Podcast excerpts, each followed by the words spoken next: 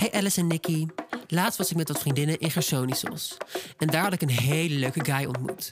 We waren een beetje aan het flikvlooien. Toen ging hij opeens mee naar huis. Jullie weten wel hoe dat gaat.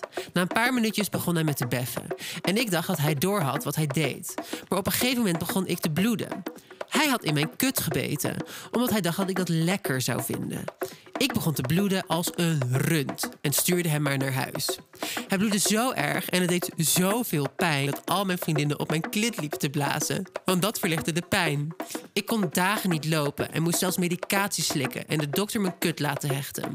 Maar nu wil de jongen niks meer van de gemaakte kosten voor mijn nieuwe vagina betalen en die rekening is torenhoog. Wat moet ik doen? Help!